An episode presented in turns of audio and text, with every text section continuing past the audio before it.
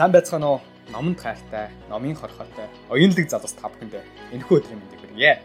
50 хамт онлайн номын хилцүүлгийг та бүхэнтэйгээ хамтарч хөтлөөд аль хэдийнэ 1 жил хагас хугацаа өнгөрөөсөн байна.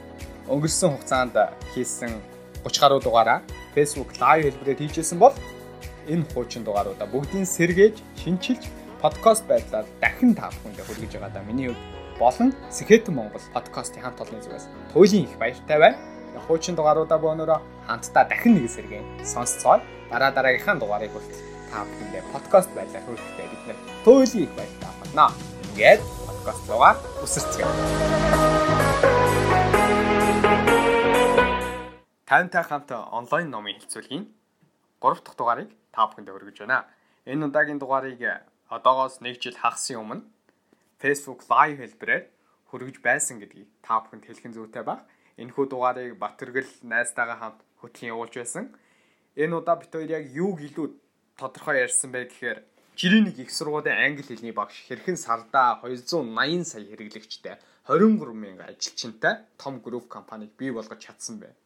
Бага наснд нь үеийн залуучууд нь түүнийг ялгуурлан гадуурхаж байсан тухай тооны хичээлдээ тун муу нэгэн дэлхийн хэмжээнд төгссөн бизнесийн санаагаар хэрхэн олсон бэ. Дээрээс нь их сургуульд ажилласан түүний он жилүүд Harvard-ийн бизнесийн их сургууль тэнцээгүй тэрээр хожим тухайн сургууль дээр оюутан биш илтгэгчийн хуваар очисон тухай хэрхэн хүнээр ажил хийх арга ухаанд суралцах нууц маа гэдэг хүнийгээ дийлэх амарханч тэдний хамт олон хизээш дийлэхгүй гэдэг түүний бат итгэл юунд орчээдэг тухай маш олон гайхалтай жишээнүүдийг бид хоёр ярилцсан байгаа. Тэгэхээр энэ хүү подкастыг хамтдаа дахин нэг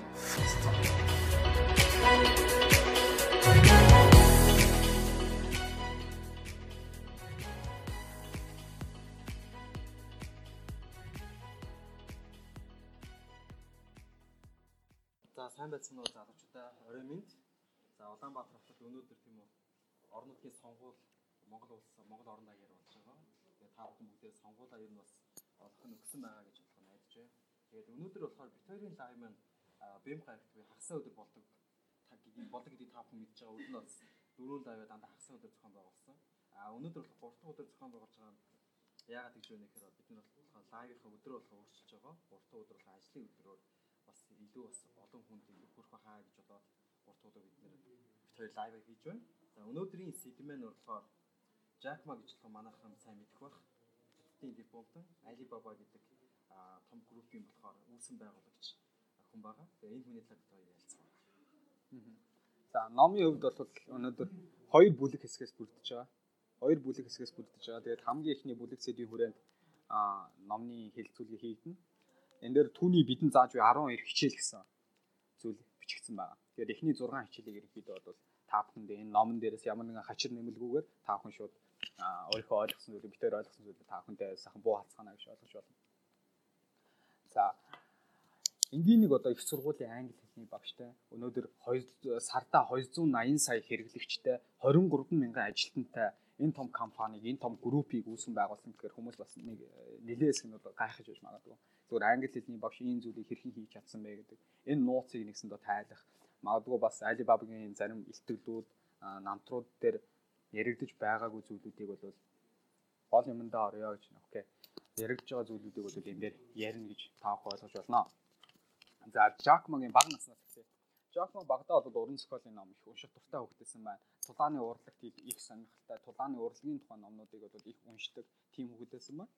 Тэгээд бага насндаа бол өөрийнх нь өвөө нь болохоор нэгсэндээ өөрийнхөө нийгэмдээ бас тодорхой хэмжээнд адлагдж адлагдж байсан тийм орчинд өссөн. Аав нь бол төдийлөн сайн сайхан ажил хийж байгаагүй. Гэр бүлийн хувьд тодорхой мэдээж баян биш. Жохон хүнд амьдралтай тийм айлын хүүхдтэйсэн байна. Тэгээд үеийн залуучууд нь Жак маань их намхан биетэй а янз бүрээр хэлж дооглох, ядгуурлан гадуурхах асуудлууд бол маш их байсан байна. Тэгэд ийм үеүүдэд Жак маань төсөөлөн гарч ийм хүмүүст маш ихээр ад үзэгдэж байсан хэрнээ энэ зүйлүүдийг бол даван таарч өөрийнхөө амьдралаас ямар нэгэн ичит зовх зүйлгүйгээр энэ энэ одоо сурчилгаа юм уу гэж натхан байв. Үгүй ээ сурчилгаа биш ээ зүгээр book review гэдэг номын хэлэлцүүлгийг хийж байгаамаа. За тэгээд шинээр орчсон одоо лайв үзэж байгаа хүмүүстэй одоо хандаж хэлэхэд болохоор бид хоёр болохоор өмнө дөрөв лайв хийсэн байгаа.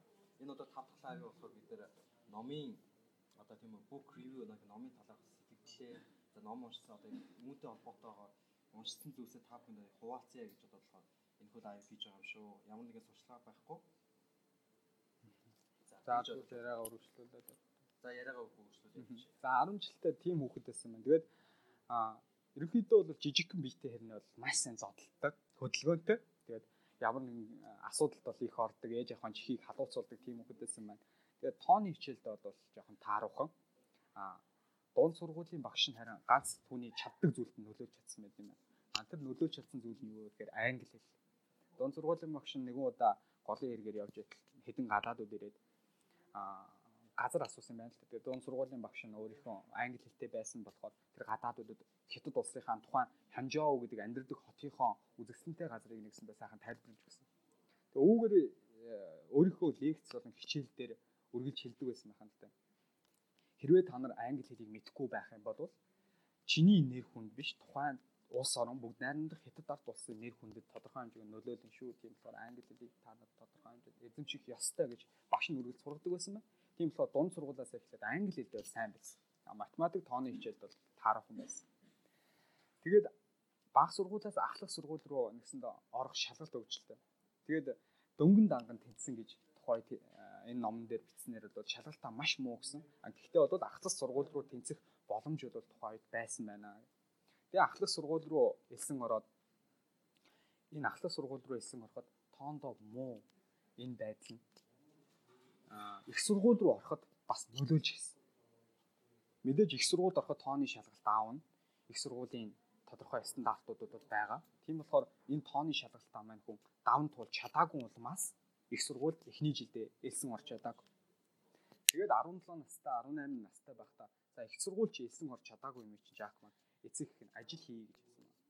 Хамгийн анхта анх бол нарийн бичгээс авахуулаад аав нэг ажил зүүчилж гсэн байт юм байна. Тэр ажил нь болохоор ийм одоо гурван дугуйтай машинаар гэх юм уу тэргээр яваад сонин сэтгүүл ном тараадаг галт тэрэгний буудал чангараа. Тийм Америкас маань тавгааны зурчсан байна.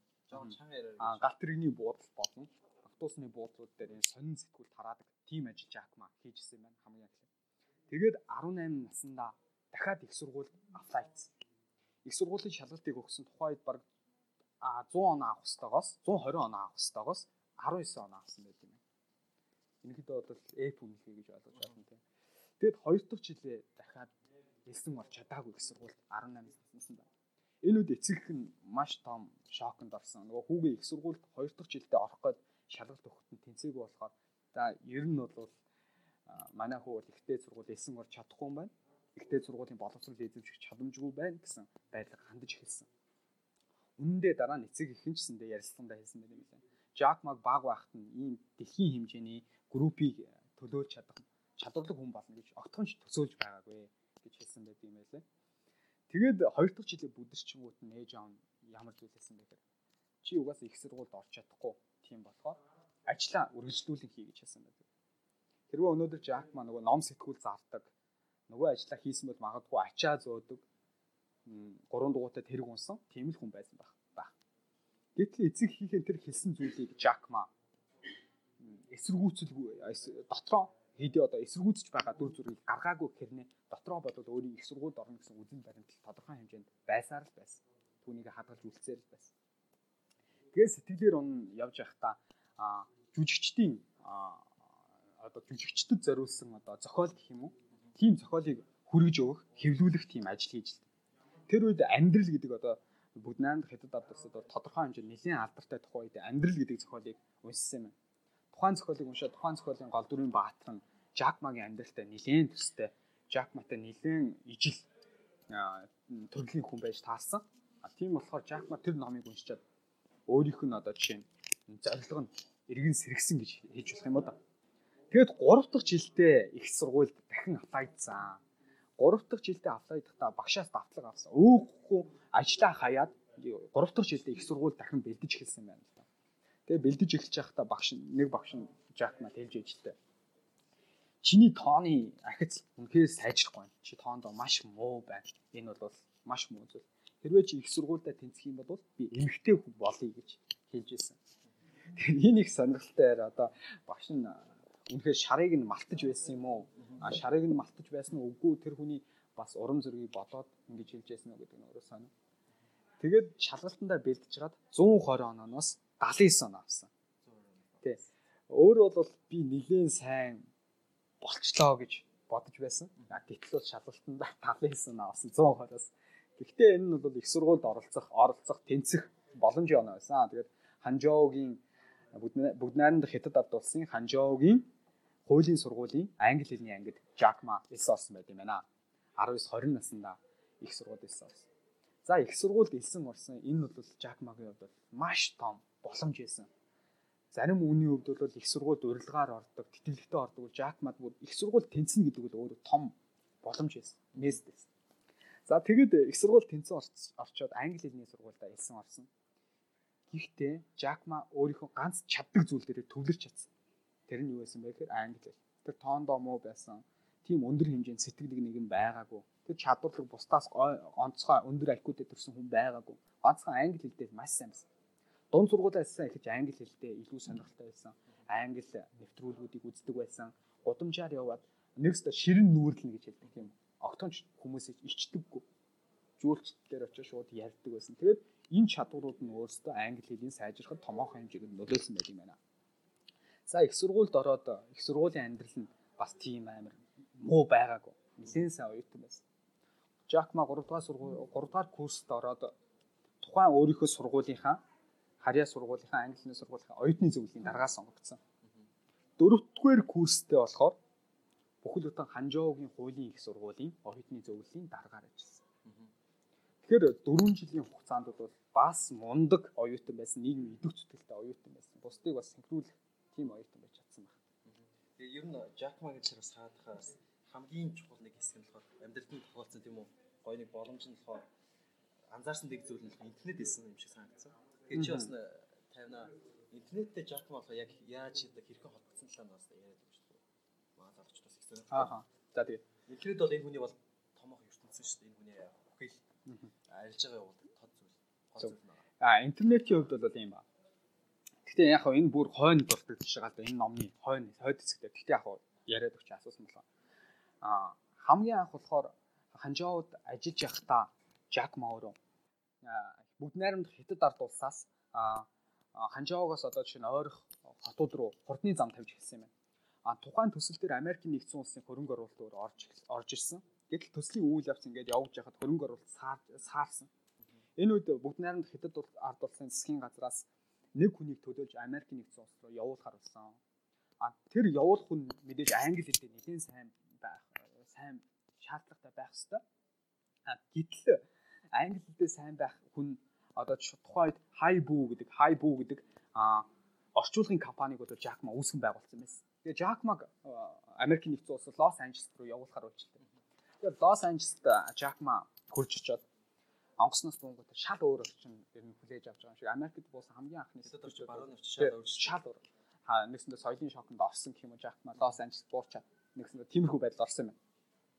Тэгээд нөгөө Америкийн нэгдсэн улсын хөрөнгө оруулалтын компани дээр очиж хэлцээр хийвээ, уулзалт хийлээ. За танах нэг жилийн өмнө ингээд э, бидний манайд хөрөнгө оруулалт хийхээр болсон энэ хурдны замын төсөл дээр гэв. Гэтэл Жакмаг эсэргээрээ маш сайхан хүлээж авсан. Аа оо маш үнэтэй буудалд оруулаад энэ найрсгаар хүлээж аваад өө зөв зөв ойлголоо гэд маш ээлтгэр хүлээж авсан. Жакма тухайд бол маш их гайхсан. Тэгэд хэлцээрийн үйл явц нь маш ээлтгэр оо болно. Яг нөгөө Америкийн нэгдсэн улсын компанисэнтэй аа маш ээлтгэр хүлээж аваад тэгээд Жакбад нэг санал тавьсан юм.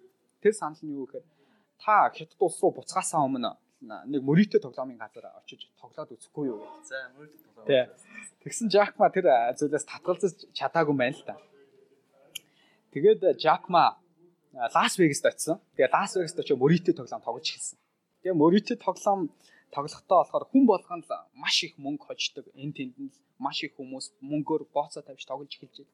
Тэгээд Жакма жоохон муу санаалаад зүгээр багхан шиг мөнгөөр автомат машины тоглоом дээр хэдэн сонирхож үзээл тэгэл яваад гисэн. Тэгээд Мөрит Лас Вегасээс буцаж ирээд Мөритэ тоглоомын газар тоглож ирчээд нөгөө компани дахиад санал тавьсан тэр санал нь та бүхэн надтай нийлээд та бүхэн бишээ Jack Mac манай компанид нийлээд нэгсэндээ бүгд найрамдах хятад ад улсын засгийн газрыг Улсын нарс. засгийн газар өгдөг. хамтарч ажиллая. Нэгсэндээ бол манай хөрөнгө оруулалтад бол хийж чадахгүй. Гэтэ бол чи манайхтай хамтарч ажил энэ мөнгийг хамтаа хуваад гэсэн. Тэгээ Жакма тэр үед маш хүнд байдалд орсон. Яагаад тэгэхээр хэрвээ тэр саналаас нь татгалзах юм бол аль насанд нь аюултай. Хятад улс. За тэгээд Жакма хэдэн хоног бодсны эцэст хариу хэлсэн. Тэр нь юу вэ гэхээр танайхтай хамтарч ажиллая гэдэг санал хэлсэн. Гэхдээ энэ нь бол чин үнэнгээсээ биш. Мэдээж худлаа хэлсэн. Тэгээ Жакма хэрхэн би Америк нэгдсэн улсаас их нутаг руугаа буцах вэ гэдэг арга сүйчилж хэлсэн. Хамгийн хэцүү даа. Тэг хамгийн хэцүү даалгавар. Би мэдээж эх орондоо амьд очих хэрэгтэй гэдэг даалгавар байсан. Тэгээд интернетийг би интернетийн төслийг нэгсэндээ тухайн үед 1995 он шүү. Яг намайг төрж явах үе. 95 онд интернет гэдэг зүйл бол хятад улсад бол дөнгөж сонирхлын төвшөнд хөгжиж эхэлж байсан. хүн мэдэхгүй шүү. Төдийлөн хөгжөөгүй байсан зүйлээс. Тэгээд Жакма интернетийн төслийг бүгд найрамд хятад ард улсад хэрэгжүүлээ гэдэг саналыг аваад. За явахаар болов нөгөө газраас чи Лос Анжелес нисгээд тэгээ онгоцны буудлын дээр очисон чинь халаасанд нь 25 цент лээс 25. 25 цент Ганц квартер юм биш үү? а яг үнэ. 25 цент байсан тэгээд тэр чинь мэдээж билет авч хүрэхгүй шүү дээ. Хятад руу явах. Тэгээд автомат машины тоглоом дээр энэ номон дээр бичснээ шүү дээ. Би бол бас жоох итгэж өгөхгүй. Очоод азаа үтсэн байна л та юу ч энэ мөнгөө өсгий бирдэж би билетний мөнгө олох хэрэгтэй гэдэг 25 центээр азаа үтсэн 600 доллар гэсэн 600. 600 доллар. 600 долларыг хожичоод билет авсан уу гэсэн чинь үгүй. Яс. Би хэрвээ эх орондоо ингээд мөд найрамд хятад ард улсын засгийн газрыг төлөөлөөд энд ирчээд би хоосон гар хоосон буцах юм бол мэдээж хэцүү шүү дээ тийм л. Тийм болохоор Жакмагийн дотоод итгэл үнэмшлээдэг би шудрах хүн би эх орныхоо төлөө тэр нэг тэрбум одоо 600 гаруй мянган хүнийг би төлөөлж байгаа тийм болохоор Жакма эх орн Жакма тухайд би эндээс ямар нэгэн зүйлтэй буцах хэрэгтэй гэдэг үзэл баримт сэтгэлд нь байсан болохоор Сиэтл руу явах шийдсэн. За Сиэтл одоо нөгөө та бүхэн тэр ихтгэлүүдийн сонсч байсан бол Сэм гэдэг залуу байгаа. Хамгийн анхны үйл ажиллагааг нь хамтарч хийсэн залуу Сэм гэдэг. А их сургуульд багшилж явахдаа Сэм гэд багшилж байсан залуугийнх нь дүүн Сэм гэж залуу. Тэр нь Сиэтл байдгийг мэдээд тухайн залууд холбогдсон. За тэгээ Сиэтл руу явахаар болов. Сиэтлд очоод Сэм гэдэг залуутай ч танилцлаа. Сэмч найзгаар хүлээж авлаа. Өөрийнхөө ажилдаг интернет үйлчилгээний компаниг танилцуулсан. Ороод ицсэн чинь хүн болго нэг нэг ширээн дээр компьютерийн ард сууж байна. Маш сонио байна шүү дээ. Ягаад гэхээр хятад улсын хөгжил одоогийн а, тэр үеийн Америкийн хөгжил бол шал өөр.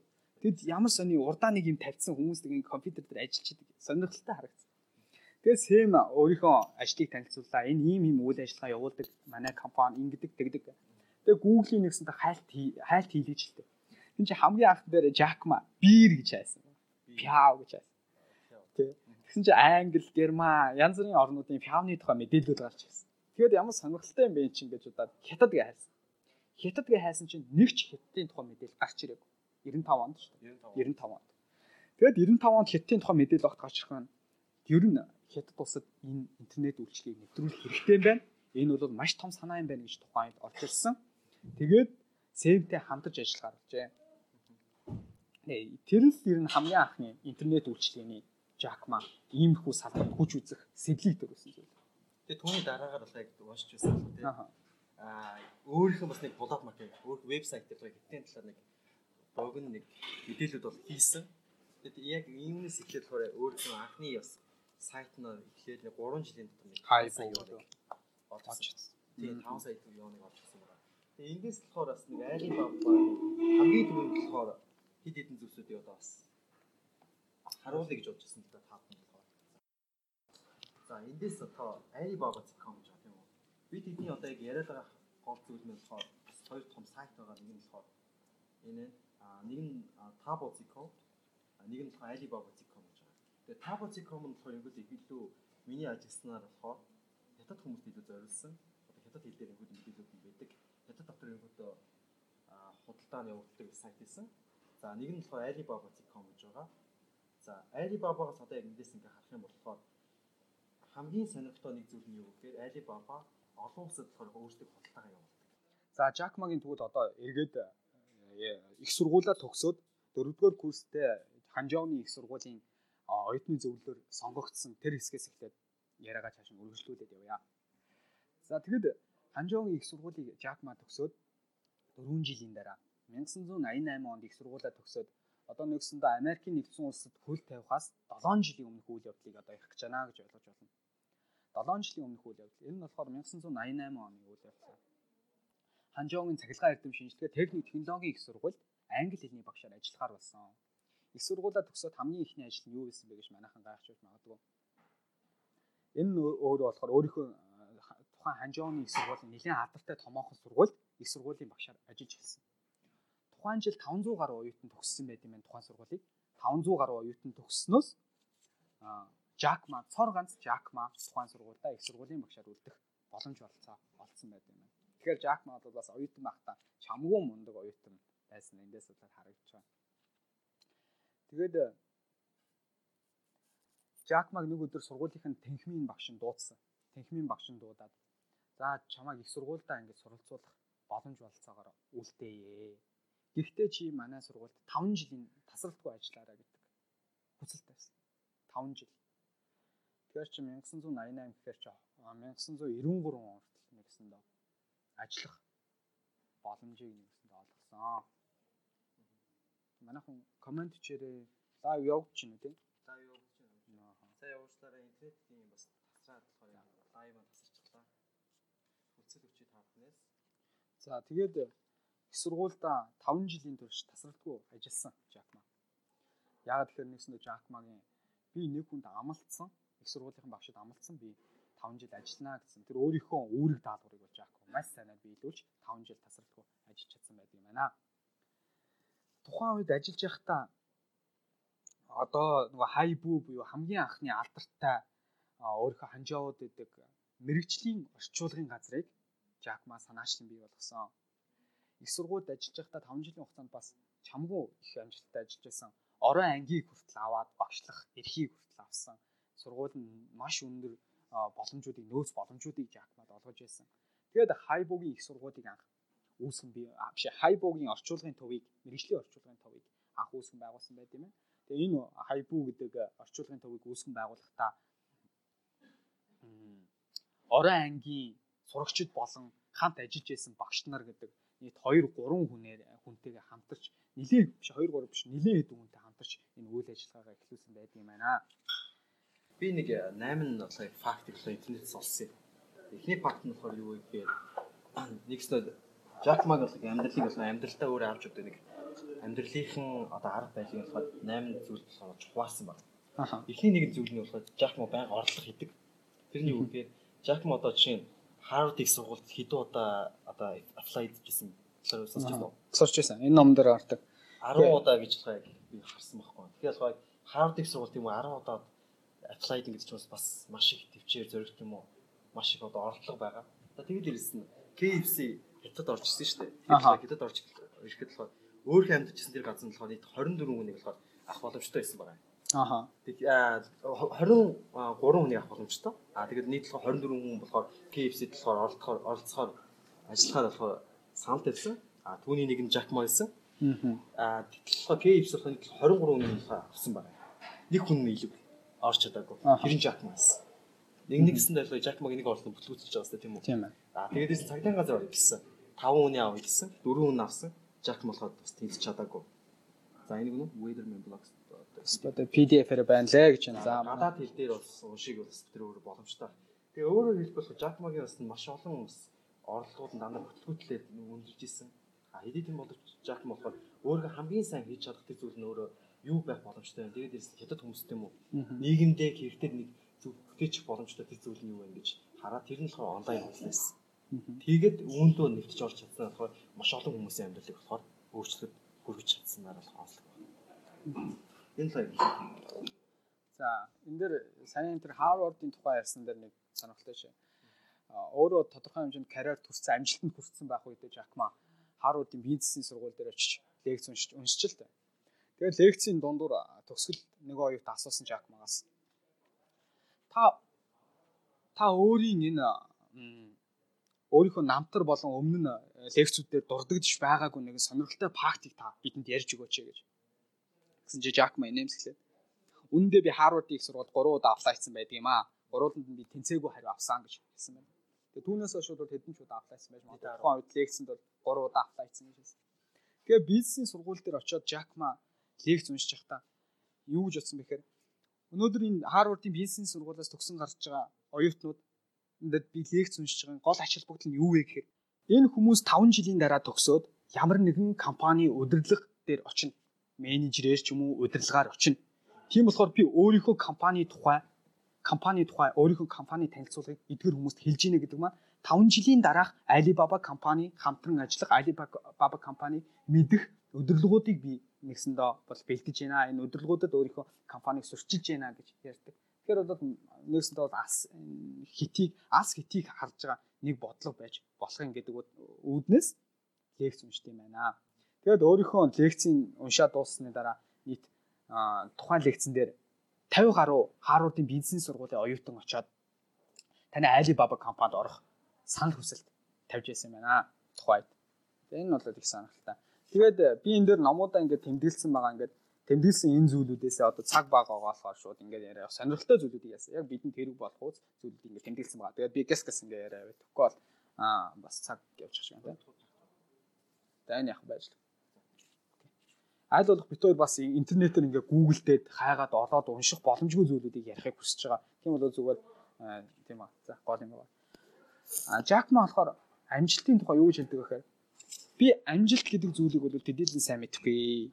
А гэхдээ би уналт гэдэг зүйлийг тодорхойлж чадна. А уналт гэдэг зүйлийг би тодорхойлохдоо бол уналт бол өөрөө шантрал юм аа гэж. Шантрах ямар нэгэн зүйлээс шантрах. Энэ бол уналтын хамгийн том эхлэл. Тэгээ энэ дээр би сонирхолтой нэг фактыг та бүхэнд уншиж байгаа. Жишээ. Нэгэн алдартай хөнгөн атлетикийн тамирчин байжээ. Тухайн хөнгөн атлетикийн тамирчин а 2 3 жил дараалан тухайн уралдаан тэмцээнд төрүүлж байсан. Тэгээд өрөвдөг жилийн уралдаан дээр тухайн тамирчин л хүмүүс төрүүлнэ гэдэг итгэлтэйгээр хүлээж ирсэн. Мэдээж энэ хүн бол төрүүлнэ. Гэтэл уралдаан болохоос нэг хоногийн өмнө тухайн хүн бэртсэн, хөлөө бэртээсэн. Тэгээд уралдаанд оролцох боломжгүй болоод Тэгэд энэ уралдаанд одоо хэн төрүүлэх нь бол мэддэхгүй бусдын таамаг болж үлдчихэл. Тэгээ нөгөө алдартай тамирчин үзэгчдийн суудлаас хараа суусан. Тэгэхэд тэр тэмцээн дээр төрүүлж яваа хүн биш нэгэн сулбар биетэй маш чөчгөр залуу тэр алдартай тамирчингийн нүдэнд тусч байсан. Тэр нь ямар залуу байсан гэхээр тэр бүхэл бүтэн төрүүлж яваа хүнээс 4 5 тойрог тойрогдуулсан хэрнээ тухайн тэмцээнийг дуусгах гал гүгэдсэн. Тэгээ гүүж гүүж байгаа тухайн тэмцээнийг дуусгаж чадсан. Хөнгө атлетикийн тэмцээнийг дуусгасан. Тэгээ нөгөө алдартай тамирч очиж асууж л нөгөө залуус. Чи ингээд түрүү нэгэнт одоо төрүүлэх нь тодорхой биш. Ямар нэгэн байр эзлэх нь тодорхой биш. Ийм тохиолдолд одоо орцсон хэрнээ яагаад ингэж шаргуу одоо гүүгээд байгаа юм бэ? Тэмцээнийхээ дундаас ингээд гарчих бололцоо чамд байлаа штэ гэдэг зүйл хэлсэн байна. Гэтэл нөгөө залуу инээмсэглээ. Надад энэ тэмцээнд төрүүлэх нь чухал биш ээ гол нь би энэ тэмцээнийг төгсөх нь л надад чухал байсан юм аа. Өөрөө өөрийгөө ялах нь л надад чухал байлаа гэж нэмсэгдэж тухайн залууд хариулсан байдаг юм. Тэгээ хөнгөн атлетикийн тамирчин тухайд бот тэр үгийг сонсчоод маш их зүйлийг толгойдоо эргцүүлэн бодож тунгаасны тунгаасан байна. Тэгэхээр Жак Магийн гол үзэл баримтал нь юу гэхээр өөрөө өөрийгөө ялах хэрэгтэй, огт шантарч болохгүй. Амжилт гэдэг зүйл бол бидний одоо жишээ нь ямар үгээр илэрхийлэх юм бэ? Амжилтыг заавал амжилтан дээр заавал төвлөрөөд байх ямар нэгэн шаардлага байхгүй. Зүгээр та өөрийгөө хөгжүүлэх, өөрийгөө илүү дайчлах тэр зүйл дээрээ илүүтэйгээр төвлөр. Тэгж чадах юм бол амжилт араас аянда таны араас дагаад ирэх болно гэж Жакма тэгж хэлжээс удаатай байна. Энэ номон дээр ч тэгжсэн байна. Энэ номон дээр ад жаргалын тухай нэг гоё зүйл жишээ өгдөг. Нэгэн гөлөг нэгэн гөлөг ихтэйгээ хамт ажиргалын тухай ярилцчихлээ. Тэгээд ээжээ ажиргал гэж яг юу юм бэ гэсэн чинь ажиргал гэдэг бол чиний сүүлэн дээр байгаа зүйл. Сүүлэн дээр байгаа. Тэгээ нөгөө гөлөг ажиргалыг олох гал сүүлээ хацах гал ингээд тойролсон. Тэгэхээр чинь гөлөгний толгой чи сүүлэндээ хүрч чадахгүй шүү дээ. Тойролсон, мушигдалдаалсан. Тэгээ ген орилоод асууж л таа. Ээжээ би ажиргалыг ажиргалыг барьж чадахгүй байна Тий, энэ хажиргал гэдэг зүйл чинь гарт баригдахгүй зүйл юм биш үү гэж асууж. Гэсэн ээж нь чи заавал энэ сүүлэн дээрээ төвлөрөө тэрэггүй. Чи зүгээр урагшаа замаа хараад яв. А тэгж чадах юм бол аяанда сүүл чинь одоо чиний араас дагаад явнаа. Тийм ажиргал гэдэг зүйл бол зүгээр. Чи шаргуу хөдөлмөрлөлт ажиргалын тухай төдийлөн бодоод байх хэрэггүй. А гэтэл чи хөдөлмөрсний ч үр дүнд ад жаргал аяанда чамайг дагаад ирэх болцоотой гэдэг зүйлийг энэ дээр бас тусалж өгсөн байт юм байна. Jack Ma гэдэг болохоор бас нэг хоёрдугаар нэг бас нэг тусгаас арга барилтай нэг зүйл нэрсэн. Тэр нь юу гэсэн бэ? Jack Ma болохоор хүмүүсийг хөсөлдөг. Гэтэ хөсөлтөд болохоор хамгийн чадварлаг хүмүүсийг хөсөлдөг.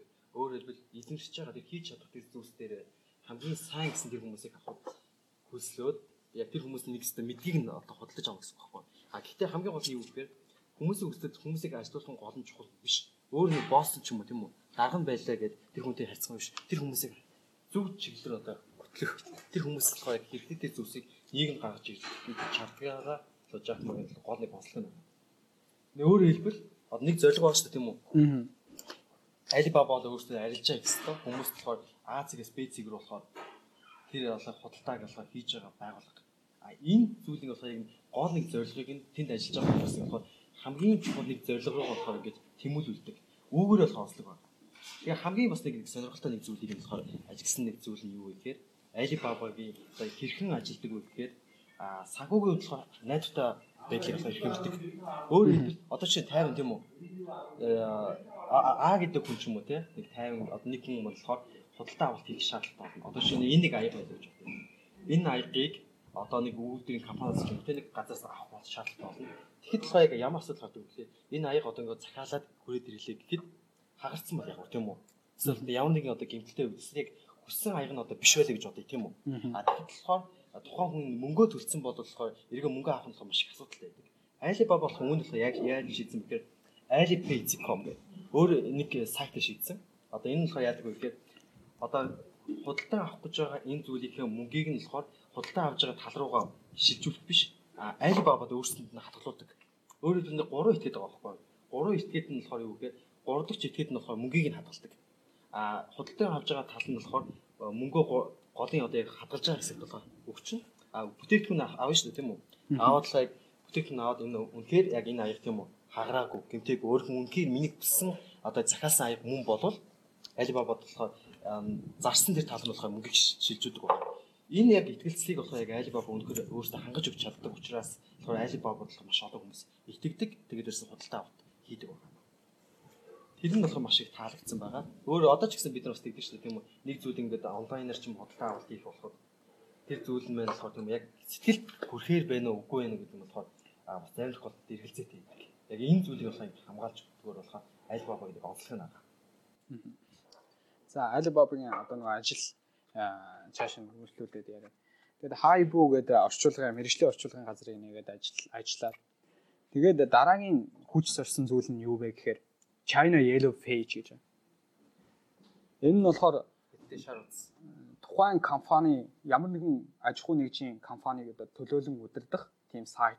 Тухайн компани мэдээлэл ч юм уу тухайн компани зал сурчилгаа тухайн мэдээллийг энэ пэйжээрээ дамжуулж олон нийтэд хүргэх тийм зүйчлэлийн одоо вебсайтыг хамгийн анх нээжжээ. China Web Page. Тэгэд тэр үед болохоор Ханжогийн Чоншин гэдэг компани яг бас зах зээл дээр түрэн орж ирсэн. China Yellow Page-ийг.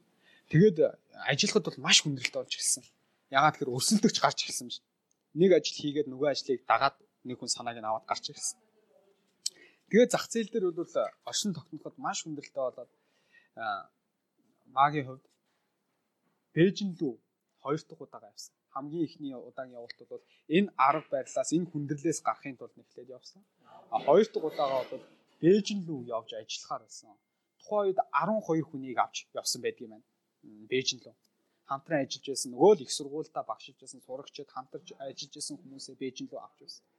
Бээжинд очиод засгийн газрын нэгсэндээ ажиллаж эхэлсэн. Жак Магийн хувьд.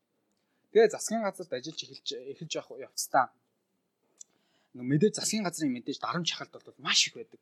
Яагаад тэгэхээр засгийн газарт хятад улс чинь тухайн үед нөгөө интернет хэрэглээ одоо ч фэйсбુક орох боломжгүй ч юм уу хятадын засгийн газраас интернет үйлчилгээг одоо шахах ийм тохиолдлууд бол маш их байдаг гэсэн байна. Тэгээд хэрвээ би засгийн газрын энэ үүрэг даалгаврын дагуу ингээл яваадах юм бол миний өөрийнх нь хүсэж байгаа энэ итгэл үнэмшил хүсэл мөрөөдөл биелүүлэхэд энэ хүндрэлтэй байна гэж бодоод буцаад Ханжоо хот руугаа явах болсон. Тэгээ энэ дээр би нэгэн сонирхолтой ярилцлагыг та бүхэнд уншаад өгье. За энэ ярилцлага дээр ингэсэн ингэсэн маа. За маа сэтгүүлч хоёрын хоорондын яригдсан яриа яг Бээжин хотод одоо жишээ нь ажиллаж амьдарч байгаад буцаад Ханжоу руугаа явж биер нь амьдрах хэрэгтэй байна гэдэг зүйлийг тэр үед 12 хүнтэй Бээжин хотод ирсэн байсан. Эргээд Ханжоу руу явахдаа нөгөө 12 хүнтэйгээ л явж чадсан байна.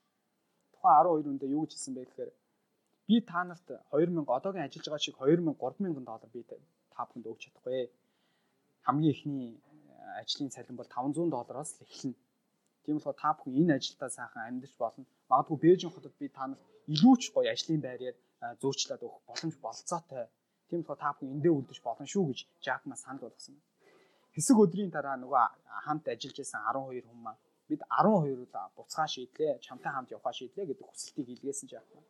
Тийм болохоор Жакмаас хүнийг ятгах, сайн багийг бүрдүүлж чадах хэрхэн хүнээр ажил хийх арга барилыг Жакма сурч чадсан хүн байдаг юм байна. Тэгэд энэ сэтгүүлчтэй хийсэн ярилцлаган дээр энэ яг энэ үйл явдлыг илүү тод томруулаар бичсэн юм. Маа ингэж хэлж байна. Би өөрийн хамт олно хамгийн шилтгэн гэж боддог. Бусад хүмүүс биднийг дийлэх хэцүү. Маа гэдэг хүнийг дийлэхэд амархан байж болох ч манай хамт олныг хизээч ялан дийлж чадахгүй. Манай багаас хасагдах нэг ч хүн байхгүй гэж аах маань. Тэгсэн сэтгүүлч таны хэлдэг зөвөө таны эргэн тойронд яг тантай адилхан хүсэл мөрөөдөлтэй хүмүүс тойрон хүрээлсэн байдаг. 1997 он та Ханжоугоос Бээжин рүү явх үед тантай хамт явсан хүмүүс 1999 онд Бээжингээс Ханжоу руу буцаж ирэх үед 17 хүн бас нэмэгдсэн байсан. Ханжоуд ирэхэд 17 хүн биш нэмэгдсэн. Ингээд та хэрхэн эдгээр хүмүүсийг нэгтгэж чадсан бэ гэдэг асуултыг асууж. Тэгэд маа тухайн үед надтай хамт байсан 7 хүн одоо ч гэсэн хамт надтай ажиллаж байгаа Табао гэдэг одоо нэг өстө бас нэг Alibaba-тай төстэй вебсайт байгаа даа тийм. Хятад ерөөд худалдаа. Хятад тусдаа худалдаа явуулдаг, интернет үйлчилгээний худалдаа явуулдаг.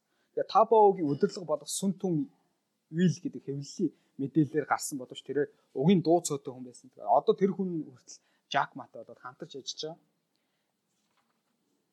Тэгэд сэтгүүлч асууж та. Маа өөрийн хүмүүст их цалин өгч авч үлдэж чадсан гэж хүмүүс яриад байх юм. Энэ талаар та юу гэж бодож байна гэж сэтгүүлч асууж. Маа би ажилтнуудад өндөр цалин хөөс өгч байсан гэж хэлэхэд үнэхээр хэцүү. Миний хувьд өндөр цалин хөөс өгөх нь боломжгүй байсан. Тухайд Бээжингээс явхаа шийдвэр гаргасныхаа дараа би сүүлийн удаа цагаан хэрмэн дээр очисон юм. Тэр өдөр маш хүүтэн байсан. Бидний нэг цагаан хэрмэн дээр чангаар уйлан бид Ханжоуд маш их амжилттай ажиллаж байсан ч яагаад Бээжинд ирсэн юм бэ? Энд ч муу адил амжилттай ажиллаж байна. Гэтэл яагаад Ханжоуроо буцах болсон юм бэ гэж маш их гонигтайгаар одоо жишээ нэг ажилт нь уулж хэлж ээж дээ. Гэтэл жил бүр одоо тэгсэн чинь жил бүр надтай хамт 17 хүн хооллдог гэж. Бидний тухайд ажил хийх явцдаа маш олон удаа маргалдаж алдаа дутагдал гаргасан ч үүгээрээ дамжуулан бие биедээ итгэх итгэл улам нэмэгцээр байна гэж Жак Маруж. Сэтгүүлч хариуд нь тухайн үед таныг орхин яваагүй хүмүүс одоо ямар байгаа вэ? Мөн нэг үзүүлэлтээс харуул танай компани ажилтнуудын 40 40 орчим хувь нь компани орхисон байдгаа гэж. Жак Ма болохоор энд мэдээж миний хувьд одоо чинь 23 мянган ажилтнтай а сартаа 280 сая хэрэглэгч үйлчлүүлдэг энэ том группийг өдөрдөд байхад мэдээж маш олон асуудлууд байна. Эдгээр асуудалтай нүүр тулахад ч хэцүү. Тийм болохоор мэдээж ажлаа асаа гарах тохиолдож байна бидэнтэй хамт өнөөгөө тууштай ажиллаж байгаа маш олон хүмүүс байна гэж хариулсан байдаг юм байна л да. Тэгээд одоо тун утахгүй бас нэг сонирхолтой ном хэвлэгдэн гарах гэж байгаа таахан сонссон бол Данкан Кларк гэдэг Америк залуугийн тухай мөн Жакмагийн тухай бичсэн ном юм байлаа. А утахгүй саруул гэдэг нэг бүсгүйгийн орчуулгатайгаар та бүхний гар дээр хүрэх гэж байгаа юм байлаа. Данкан Кларк гэдэг. Энэ ном нь болохоор энэ номоор юугаараа онцлог юм бэ гэхээр Америк хүн бичсэн Тэгээд 1994 оноос хойш Хятадд амьдарч байгаа энэ Данкан Кларк гэх зохиолч нь. Тэгээд тухайн үед Alibaba компанид зөвлөхөр ажиллаж байсан. Тэгээд зөвлөхөр ажиллаж байгаа явцдаа нөгөө одоо чинь Alibaba-гийн хувьцаа бол нэлээд өндөр өссөн байгаа шүү дээ. Тэгээд манай Alibaba компани хувьцаагаас аваач гэдэг санал өгж исэн. Тэгээд тухайн үед Данкан Кларк хувьцааг нь огт аваагүй. Тэгээд өнөөдөр 10 тухайн үеэс 10 20 дахин өссөн хувьцаа Тийм болохоор бас энэ залуу их сонирхолтой зүйлийн тухай бичсэн баг. Тэгээд тухай засгийн газраас ямар их дарамт шахалт ирж ийсэн тэр зүйлийг одоо нී нүгүү энэ номон дээр бичсэн байдаг юм байлаа. Тэгэхээр энэ ном бол утгагүй хэвлэгдүүл бас олж аваад уншвал бас их сонирхолтой байх гэж бодож байна. Тэгээд Alibaba компани Ханжоо хотод эргэж очиод Alibaba компаниг Матай нийлээд нийт 18 хүн үүсгэн байгуулсан байна. Энэ номыг болохоор яг ингээд хоёр бүлэг хэсгээс бүрдэж байгаа. Тэгээд дараагийн бүлэг хэсэг нь болохоор тогтсон хөвшил ойлголтоос өөрөө сэтгүүл дэлхийн ертөнцийн бүх зүйл өөр харагддаг гэсэн хэсэг байгаа.